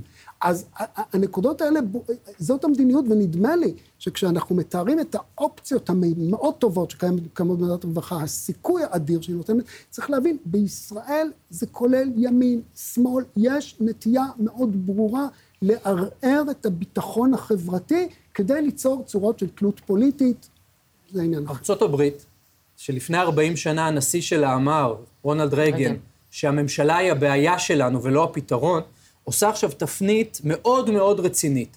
מה עושה נשיא ארצות הברית ביידן? מייצר קצבאות ילדים בפעם הראשונה בתולדות ארצות הברית. לידה. שלנו זה נשמע כאילו, ברור, מה, מה קצבת ילדים. חופשת לידה? כן. ש, ש... עכשיו, הוא משקיע טריליונים של דולרים בתשתיות בכל רחבי ארצות הברית, לא בגלל שהוא רוצה לחמול את האזרחים האמריקאים, אלא בגלל שהוא מבין שזה המפתח לצמיחה שתכלול את כולם בכל רחבי ארצות הברית. אגב, הדוגמה לזה הייתה אה, הפריסה של קופות החולים שלנו מאז אה, קום המדינה, זה מה שעזר לנו לשנע את כל העניין של החיסונים ולהפוך אותו אולי לסוג של אה, מבצע טוב. אני רואה את מערכת הבריאות... פרופסור גודווין זז באי נוחות. מערכת הבריאות הציבורית נולדה כמובן עוד לפני קום המדינה, ונולדה מתוך תפיסה סולידרית של קופת חולים, קופה משותפת של חולים, שאתה מקבל טיפול לפי מצב בריאותך. ולא לפי מה ההכנסה שיש לך או מה, כמה כסף יש לך בחשבון הבנק. ביידן מוביל אה, מדיניות שהיא, אנחנו היום נמצאים כאילו אנחנו ב-1981. כמו שפרופסור גוטווין אמר, כששר האוצר מחליט לבטל מעכשיו לעכשיו את החל"ת, ואנחנו רואים כבר את התוצאות, זה לא הוציא אנשים למקומות העבודה, זה פשוט לא השיג את התוצאה שהוא חשב, היה אפשר להבין את זה לפני שהוא אה, עשה את המהלך הזה. זה בגלל שהמדיניות לא מסתכלת קדימה, אלא אומר, מסתכלת על המלחמה שלפני 40 שנה. אנחנו צריכים, והכלים פרוסים לפנינו, אנחנו צריכים רק לפקוח עיניים ולהבין, אם לא נחליף את המדיניות, התוצאות לא ישתנו. לחזור עוד פעם ועוד פעם על אותן בעיות, על אותן אה, אה, תוכניות, ולצפות שתהיה תוצאה אחרת, פשוט לא נקבל את זה. לישראל יש את כל התנאים לבנות כלכלה חזקה, שוויונית, יציבה וסולידרית. יש את הכלים, לא צריך להמציא את הגלגל. חלקם השתמשנו בהם כבר הרבה מאוד שנים, צריך לעדכן אותם, צריך לחדש אותם, אבל אפשר לעשות את זה. צריך פשוט להבין שהמדיניות חייבת, חייבת להשתנות. ונראה שהמדיניות של הממשלה הזאת כנראה לא משתנה, ואף דומה מאוד לקודמתה. לא, היא לא משתנה, ואני רוצה להגיד מדוע. תראי, הנקודה המרכזית, זאת לתפיסתי, היא האינטרס של המעמדות המבוססים בישראל. המעמדות המבוססים בישראל שורדים יפה מאוד את התהפוכות השונות. והם למעשה מהווים היום את הבלם מפני שינוי מדיניות. עכשיו, צריך להגיד, הממשלה הנוכחית היא ממשלה של המעמדות המבוססים. אם אתה מסתכל מאיפה המפלגות שמרכיבות אותה לוקחות את ה... מקבלות את התמיכה, זה מתוך המעמדות המבוססים, והמעמדות האלה לא רוצים לשנות את המצב הפוך. אני חושב שמה שהם הולכ... מה שאתה מסתכל על מדיניות התקציב כפי שהיא הולכת וכפי נפרסת לעינינו, אנחנו רואים מדיניות שבעצם תרע את מצבם של השכבות החלשות. קחי למשל דוגמה שהיא מאוד מאוד בחדשות בזמן האחרון, העניין של הדיור הציבורי. דיור ציבורי, אנשים, זה, זה, זה תנאי כל כך בסיסי לחיים, כן, זה דבר שמדינה יכולה לפתור אותו בקלות. וצריך להגיד, משום שהמדינה היא בעלת הקרקעות, ומשום שהמדינה היא זו שנותנת את אחוזי הבנייה, ומשום שהמדינה היא זו שגובה את המיסים, יש לה את כל הכלים לייצר ב, ב, ב, פתרון לבעיה הזאת. היא לא רוצה, וחלק מאי הרצון הזה הוא בגלל האינטרס המאוד מאוד ברור של המעמדות המבוססים באיזשהו כן. אי שוויון בתחום, בשוק הדיור. אבל זה נכון גם לגבי הבריאות. אני פחות מתפעל מההצלחה הגדולה של מבצע החיסונים, כי כל ה... זה אולי היה בשביל אה, לשכנע את אה, בורלה שיעשה איתנו את הביזנס אה, של... כן, אבל בואי נשאל שאלה, האם בישראל מתקיים שוויון בריאותי? לא. הוא ודאי שאינו מתקיים. לא, ברור שלא. לכן, לכן אני חושב ש... אני מסכים לחלוטין, אמיר, אנחנו יודעים את הדרך, אבל צריך להבין, על הד... החסם, האבן, שחוסמת את הדרך הזאת, זה אינטרס מובנה של המעמדות המבוססים, שעד שהם לא יבינו שהם מושכים את השטיח מתחת לרגליהם. זאת הנקודה. יש פה משיכת שטיח עצמית, יש פה ניסור הענף שעליו הם יושבים, וזה יגיע, אה, התצורות שבה ההתפוצצות הזאת תגיע, נפילה מן הענף, או, כן, או נפילה מהשטיח, הצורות שזה יגיע, אפשר לחשוב עליהן, אבל הן כנראה תהיינה יותר גרועות מאלה שאנחנו מסוגלים לחשוב עליהן. ובנימה אופטימית זו, אה, עמית אה, בן צור ודני גודווין, פרופסור גודווין, תודה רבה לשניכם. אני כבר לא אבנה על המכה. אה, עכשיו אנחנו נדבר עם האנשים שמכירים את הרעיון של מדינת הרווחה מהשטח. בזום איתנו עמרי אברמוביץ', מייסד אה, עמותת מגרש ביתי למען חסרי הבית, ולאולפן אה, תכף נכנסת אלינו סלי עבד מיוזם, מיוזמות מינימום 40 להעלאת שכר המינימום. אני אתחיל ביחד איתך, הנה תכף סלי מתיישבת. עמרי, בוא נדבר רגע באמת, עמרי, כן, הנה, עמרי, הנה, הנה, הסתובבת אלינו, מצוין. כן, אני, קודם כל צריך אה, להתחיל ולהצטער ולהגיד שאני כמו עובד שעובד עם חסרי בית, אה, מדבר פה בחוץ בחוסר תנאים, אז סלחו לי על זה. אה, הכל בסדר. אבל, אבל זה מה יש. הכל בסדר, הכל בסדר. אנחנו מקבלים אותך, איך, איך שיש. אתה רוצה רגע ליישר את הטלפון, להסתדר ושנחזור אליך? נראה לי שצריך לעשות פה איזה משהו. רגע, סליחה. אז אנחנו, אז סלי כבר נמצאת באולפן, אנחנו תכף אה, נפנה אליך, אתה בינתיים תמצא איזה כוס אה, להושיב את הטלפון, או איזה משהו להושיב את הטלפון. לא. לא, לא, עדיין לא. אז אוקיי, אז אנחנו תכף אה, שבים אליך, נתחיל עם סלי, סלי, שלום. מרחבה, מרחבה, שלוח פעל. אז בואי באמת, שנייה נתחיל להבין, תמיד מדברים על שכר המינימום, שכר המינימום, שכר המינימום, ואני חושבת שרוב האנשים בכלל לא יודעים מהו שכר המינימום, אולי? אה, ולא רק שלא יודעים מהו שכר המינימום, האם שכר המינימום זה מה שבן אדם בסוף מרוויח בסוף החודש, או שזה זה מה שהוא מתחיל להרוויח, או שאמור להרוויח, כדי לתת לעצמו איזושהי, איזשהו בסיס נורמלי, וכולנו mm-hmm. יודעים ששכר המינימום היום נמצא במקום, ובכלל סל הקניות שלנו נמצא במקום, נכון. והאורח חיים שלנו נמצא במקום, והביטחון התזונתי שלנו נמצא במקום, והביטחון הבריאותי שלנו נמצא במקום, וזה שום דבר לא תואם לשום דבר. אה, נכון. האמת שרוב הדברים שאמרת כן תואמים. אה, יש מגמה מאוד מאוד עולה, גם של בעלייה, סל הקניות, כן, ברור, גם ברור. של הדיור, גם כל ה... אה, יוקר המחיה באמת עולה, במגמה עולה, וגם ההתפתחות. אנחנו תמיד מדברים שהתמ"ג עולה ומתפתח ו- וצומח, אבל איפה שכר המינימום? שכר המינימום לא עלה כבר שבעה שנים, והתמ"ג עולה וצומח, מה שאומר שבאמת הכסף לא הולך לאנשים שעובדים. אה, ואת אומרת שהמון אנשים לא מכירים מה זה שכר המינימום. למעשה, רוב האנשים מכירים מה זה שכר המינימום. יש כארבעה מיליון עובדים אה, במשק הישראלי. לא, בכלל, בשכר המינימום. אחד וחצי מיליון מהאנשים האלה הם בעצם עובדים בשכר מינימום. אה, לפי הביטוח הלאומי, מעל מחצי לאנשים שהם מתחת לקו העוני בישראל, הם בעצם משפחות עובדות. מה שאומר ששכר המינימום שנמצא כיום על 29 אה, שקלים ו-13 אגורות, שזה מסתכם ב-5,300 שקל בחודש ברוטו. כן? אנשים לא לוקחים כן, את זה לא הביתה. כן, לא לוקחים את זה, כן.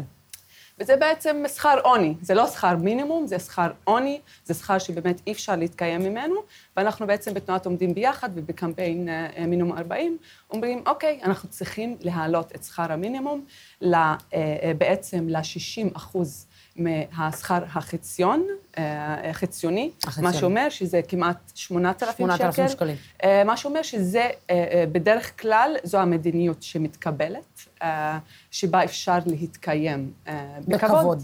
כן, לא להתנענע עכשיו וללכת ולעשות שופינג וזה, אלא באמת אשכרה להתקיים בכבוד. לא לתת לילד שלך ביטחון- קמח במקום תמ"ל. בואי, אה, בואי נשים את זה על. השולחן. אה, אה, אבל בואי באמת...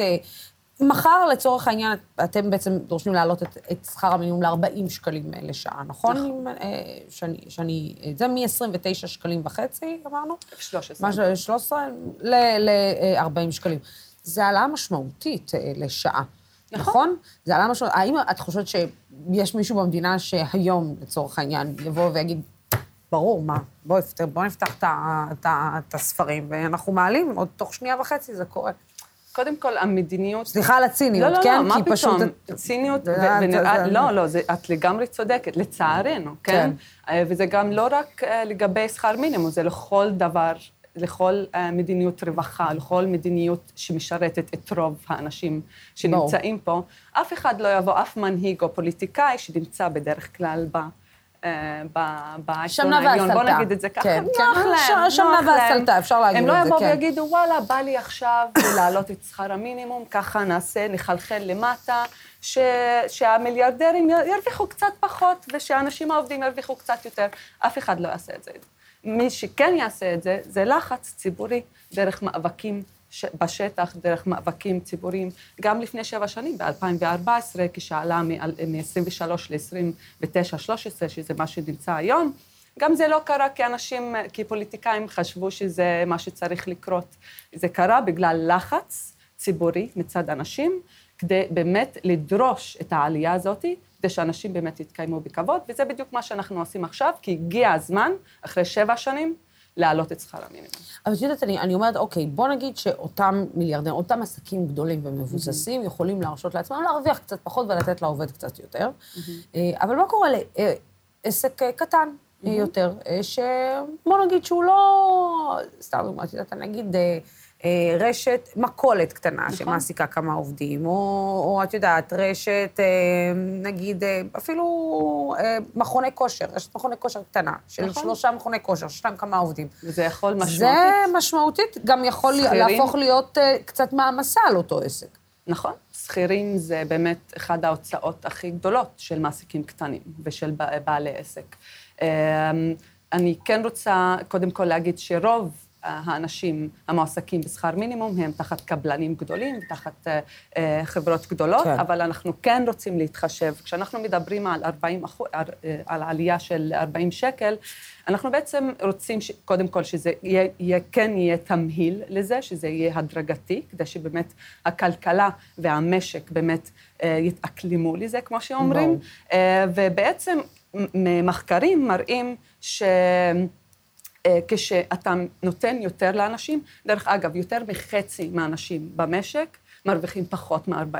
אז זה לא רק אנשים ש, שמשתכרים בשכר מינימום כרגע ירוויחו, יותר מחצי מהאנשים במשק ירוויחו מה- מההעלאה הזאת, מה שאומר שהאנשים האלה, יכולת הקנייה שלהם תהיה יותר, ויהיה. שגשוג כלכלי, ובעלי אה, עסקים קטנים. והרעיון שזה יחזור, לב- יחזור לבעלי העסקים. כי מי שמשתכר עכשיו 29-13, לא ילך ויקנה, לא ישדרג טלפון, אבל מי ש... כשאתה כן תרוויח 40, יכול להיות שאתה יכול להרשות לך, לעצמך לשד- לשדרג, ותלך לדוכן המקומי ותקנה טלפון חדש, וזה ישגשג. בגרמניה עושים את זה כרגע, גם בגרמניה יש עצמאים וגם בגרמניה יש בעלי עסקים, הם מעלים כרגע מ-34, מ-34 ש"ח ל-40... שקל? כן, אנחנו, כן. אה, נראה לי זה מ-9 יורו, אה, אני לא בטוחה כמה זה ביורו, אבל זה 43 אה, יורו, והם מעלים את זה בלי אה, מתווה, דרך אגב, כאילו ממש... אה, 43 ישירות. יורו לשעה? לא, לא, לא, ל- 43 שקלים. שקל, כן. אוקיי. מ-34 ל-43 שקל. כן, בערך ועושים 10 את זה. יורו, ויש 11 יורו בערך, נכון? ואנחנו, מה זה? 11 יורו, 12 יורו כן, בערך לשעה. כן, גם עלייה, אה, אה, משמעותית. ובגרמניה מבינים שאחרי משבר כלכלי רציני, ואפשר לראות את זה פה, שרוב האנשים נכנסו במינוס, נהיו יותר עניים, וקמצוץ קטן, קטן, קטן של אנשים עשה מלא כסף, גם בישראל וגם בעולם. וזה זה פשוט מטורלל, כל המערכת הזאת, ואנחנו מנסים קצת לדרוש משהו שבכל זאת ייתן לאנשים אה, אה, לחיות אה, בכבוד. נפס, נפס, נפס. קצת אוויר, אה, כמו. שאומרים. כן, אה, אה, בוא נדבר רגע על דרי הרחוב וחסרי הבית. עמרי אברמוביץ', שאתה נמצא עכשיו אה, בקשר ישיר ומנסה אה, לעזור אה, לשיפור התופעה. אה, בוא, בוא, בוא נבין מה המצב ברחובות, כי הרי, אתה יודע, אה, בניגוד, נגיד, לארצות הברית, סתם דוגמה, אה, מי שמטייל ברחובות ניו יורק, לא יכול שלפספס את אה, דרי הרחוב. זאת אומרת, אתה יכול לצאת ממסעדת אה, משלן, ובחוץ יש ארבעה, חמישה אנשים שישנים אה, לצד המסעדה. פה, אני חייבת להגיד לך, שגם בתל אביב, במעוז, בוא נגיד, דיברנו על זה לפני כן, המקום החזק יותר, הפחות פריפריאלי, הפחות... אתה לא תפגוש הרבה מאוד אנשים שגרים ברחוב. אה, או שיכול להיות שכבר מעלי, או שאתה תתקן אותי ותגיד לי, לוסי, בוא נגיד שדואגים שהם יהיו במקומות מסוימים שאת לא תראי. אז קודם כל אני, אני חייתי ככה עם אשתי אה, בניו יורק אה, כמה שנים, אז אני יכול, אני יכול להשוות ולהגיד שרואים את זה שאין מדינת רווחה בארצות הברית. ברור. זאת אומרת, בארצות הברית אני אגיד את זה באופן ככה גס, התפיסה היא שאם אתה עני, תמות, כאילו, תסתדר, ואולי איזה עמותות יעזרו לך כן או לא. כן. אה, בישראל יש לנו מדינת רווחה, זאת אומרת, אה, השאלה איך היא עובדת אה, וכולי, בתחום שלנו, בתחום של חסרות בית, הבעיות הן, לדידי, הן בעיקר בעיות פוליטיות. זאת אומרת, התקצוב לתחום הזה הוא ביזיוני. יש, אני חושב שיש לא מעט אנשים טובים בתוך התחום הזה, גם בכל היחידות לדרי רחוב, שזה הגוף שמטפל בהם, וגם בעמותות כמובן, כמו העמותה שלנו, מגרש ביתי, אה, אבל יש, אה, אה, יש תקצוב מאוד מאוד קטן לתחום הזה, ש- שמשקף את, כמובן את הנורמות החברתיות וכל מיני מגמות שיש פה. אני, אני יכול להגיד כעובד סוציאלי, אני מרגיש, זאת אומרת, מה זה עובד סוציאלי? עובד סוציאלי זה עובד חברתי. ברור. אני עובד של החברה, אני לא עובד של המדינה, אני, ואני אני, אני מרגיש ניכור הולך וגובר ביני לבין המדינה שאני כל כך אוהב, ברמה הפוליטית, ברמה החברתית, אה, וזה בא לידי ביטוי גם בתחום הזה. עמרי, איך זה יכול להיות? תנסה להסביר לי, כי אני, אני מנסה להבין, אנחנו בעצם פה במשדר מיוחד שהכותרת שלו היא, היא האם נותרה מדינת רווחה בכלל, האם היא קיימת עדיין מדינת רווחה? וישראל, אתה יודע, אני לא צריכה להגיד לך, ישראלים כן עוזרים האחד לשני. אבל חוץ מ... לצורך העניין כתבות שראיתי, או כתבה אחת או שתיים, שראיתי של אה, כתב בחדשות אה, 12 שעשה כתבה על דרי הרחוב ובילה איתם כמה ימים. אין באמת, בוא, בוא נודה על האמת, הפוליטיקאים שלנו לא רואים בעיניים שלהם את דרי הרחוב. אה, אם מדברים על אוכלוסייה שקופה, זה השקוף של השקוף של השקוף. זאת אומרת, זה לא שאתה באמת רואה את זה. הם קיימים, אבל לא באמת רואים אותם. זה, קודם כל זה נכון מאוד, את יודעת, יש איזה מדרג כזה, המדרג של העוני, או המדרג של הפגיעות, וזה כאילו, את יודעת, לא יפה להגיד את זה, אבל אה, אה, לי יש חבר שעובד עם אה, ילדים חולי סרטן, אז למישהו, לציבור יותר קל לתרום להם. כשאומרים להם חסרי בית, כשאומרים להם נשים בזנות, אה, אה, אוטומטית זה אה, מסוממים. כן, כן, אז, אז, אז ישר, ישר נכנס פה כל מיני מערכת של תפיסות אה, שאנחנו, שנמצאות אצלנו ב-DNA, כאילו מילדות. החסר בית הוא מסוכן, הוא השונה, הוא, ה- הוא השונה האולטימטיבי. אה, אז במובן הזה זה, זה מאוד קשור לחינוך שלנו, לאיך שגדלנו, לפחד שלנו מהזר, אה, בכלל לנפש הישראלית נקרא לזה, זאת אומרת אפשר לפרק את זה לכל מיני דברים. ברור. וזו אוכלוסייה בלי לובי. אני עובד בעמותת סוטריה, שזו עמותה מדהימה בנוסף, עמותה שעובדת עם בריאות הנפש, ובריאות הנפש יש לובי בישראל, זאת אומרת יש אה, אנשים, זה פוגש אותנו מאוד בחיים שלנו, בריאות הנפש, גם ברמה הפרטנית, כל אחד במשפחות שלו וכולי. חסר בית זה הזר האולטימטיבי, אנחנו לא יודעים, ואז ברגע שאנחנו לא מכירים מישהו, אנחנו מפוצצים בסטריאוטיפים אה, כלפיו. זה, זה משהו בסיסי ב- ב- בלהיות אה, בן אדם. עמרי, אתה יודע, אני, אני מנסה לחשוב, אה, אתה יודע, על, על אותם דרי רחוב. הרי אם יש משהו שאומרים עלינו הישראלים, אני רוצה רגע שנייה להסתכל על זה, תנסה רגע להיכנס לראש שלי, להסתכל על זה מנקודת מבט רגע פסיכולוגית, אם יש משהו שאומרים עלינו, אנחנו המזרח תיכונים הישראלים שחיים כאן, זה האגו המאוד אה, אה, שיש לנו. זאת אומרת, אני לא רוצה להראות שאני חלש, אני לא רוצה להראות שאני פגיע. זאת אומרת, מאוד יכול להיות שמסתובבים בינינו אנשים שאנחנו מכירים, שהם חסרי בית, ואנחנו בכלל לא מודעים אליהם, אנחנו לא יודעים שהם דרי רחוב שהם חסרי בית?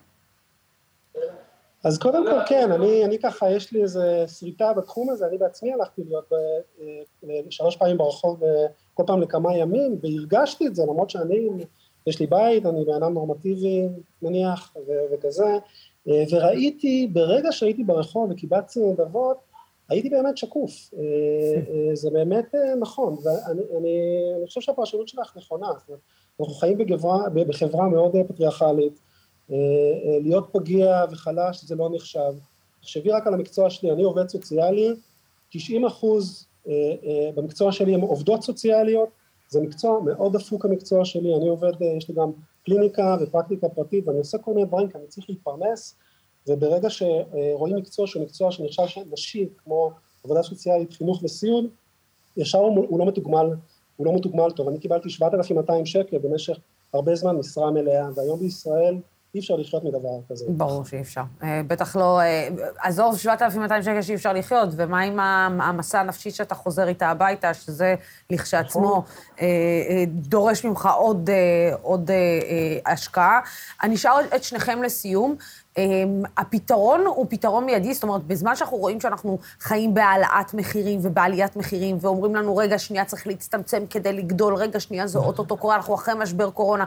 אתם רואים את המשבר הזה בכלל נגמר, או שאנחנו בעצם, יש בכלל למדינה אפשרות לטפל בזה במיידי? אנחנו בעודפים, או שאנחנו לא יכולים כי רגע, שנייה, אנחנו חנוקים אה, גם במדינת ישראל, מהמידע שיש לכם? מבחינה כספית? כן. אפשר, הכל אפשר לפתור מיידית. יש כן. כסף, אני חושבת שיש את המטוס הזה, הליברלי הזה, שאין כסף. תמיד אין כסף, וזה תמיד בא על חשבון הציבור. שאנשים שמשתכרים הם אלה שעכשיו מיסוי, ותוסיפו מיסוי על אנשים. לא. תמיד יש כסף. למלחמות יש כסף, בוא. לזה יש כסף. כשצריכים ובאמת מבקשים, תמיד יש כסף. השאלה היא איך משנים מדיניות. ואיך משנים מדיניות זה על ידי אה, אה, לחץ ציבורי. אז איך משנים את השיח הציבורי. ואת זה עושים רק בעבודת שטח, עם אנשים, במאבקים, שגם באים במקביל עם הכנסת ועם נבחרי לא. העם. ואני חושבת שזה משהו שבאמת לוקח זמן. אז מבחינת מדיניות ומבחינת עניין, אנחנו צריכים בעצם לשים לחץ על האנשים, אנחנו צריכים לשים לחץ על מקבלי ההחלטות, ופה אני באמת, אם, את, אם אנחנו באמת מסיימים, אני רוצה להזמין את כל הצופים והצופות, באמת להיכנס, תחפשו מינימום 40 בגוגל, בפייסבוק, באינסטגרם, בטוויטר, באמת תחתמו, יש עשרות אלפי אנשים שאיתנו היום, ואנחנו ממש צריכים עוד ועוד ועוד אנשים, כי אנשים זה כוח, ואנחנו ממש צריכים אתכם איתנו. עמרי, אה, על הדרך, יאללה, תקדם גם את אה, מגרש ביתי, אה, שאנחנו גם... קודם כל, תודה, תודה על ההזדמנות. אני אגיד לסיום, כאילו, תחשבו על מה זה ביטחון, תפיסת הביטחון בישראל. מדינת ישראל תמכור עכשיו שני F-15, אנחנו משנים את התחום הזה של חסות בית בישראל, ואני לא מגזים, שני F-15. זאת השאלה איך אנחנו מבינים מה זה ביטחון בכלל, וגם, תיכנסו למגרש ביתי, אנחנו עושים עכשיו פרויקט מדהים של רפואת רחוב, עושים Head אה, של רוני ליסנה, אה, עובד סוציאלית אצלנו, פרויקט נהדר של רופא ועובד סוציאלית שהולכים לעזור לדרי רחוב ברחוב, ובכלל אנחנו נשמח לכל עזרה ותרומה, ותודה על ההזדמנות. אה, אתם, קודם כל, תודה רבה לשניכם. תודה. אתם ההוכחה שכשאתה מתעורר ועושה התעוררות, אתה יכול לעשות שינוי התעוררות בסוף. אני חושבת שההוכחה היא בגדול שכשאנחנו, הציבור, רוצה לשנות, אה, האצבע על השלטר ועל הגז נמצאת אצלנו, ולא אצל מקבלי ההחלטות, ולפעמים אנחנו שוכחים את זה, אה, והם פשוט התרגלו שאנחנו שוכחים את זה. אה, וכנראה שגם ההפגנות האחרונות, וה, וה, ובוא נגיד, המלחמה האזרחית האחרונה, נקרא לה בצורה כזאת או אחרת, השכיחה מאנשים ש... שניסיתי להגיד כל כך הרבה זמן, ואנחנו מנסים לדבר על זה כל כך הרבה זמן, שהסיפור הוא לא אדם, להתנהלות של מדינה ושל קבוצה של אנשים, בכלל דרך הסתכלות על הציבור. זה לא קשור לאדם כזה או אחר, זה לא קשור לנתניהו כזה או אחר. הנה, נתניהו הלך ואנחנו עדיין עם אותן חולות בחברה הישראלית. אה, זה לא פתר לנו את הבעיות האמיתיות שלנו. אה, סלי, תודה רבה לך. אה, מהממת, תודה רבה שהגעת. עמרי, תודה רבה לך. מוזמנים, כמו שסלי אמרה, להיכנס לתנועת עומדים ביחד ולתנועת שומרי בית, נכון? שומרי הבית, נכון? מגרש ביתי. מגרש ביתי. סליחה, מגרש ביתי. אה, הצופים שלנו, תתמכו, זאת הבמה, כמו שאנחנו כאן תומכים בדמוקרט TV. תודה רבה לשניכם. כן, ותודה רבה לכם והצופים אה, והשותפים של דמוקרט TV. התוכנית הזאת אפשרית רק בזכותכם. בימים כמו אלו הולכת ומתחדדת החשיבות של ערוץ תקשורת שלא מפחד להביע עמדה נחרצת בעד הדמוקרטיה ובעד שלטון החוק, בעד המאבק בשחיתות ובעד מגוון של דעות. המהדורה המרכזית של דמוקרט TV בימים ראשון עד חמישי בשעה שש. עד מחר, סלמת.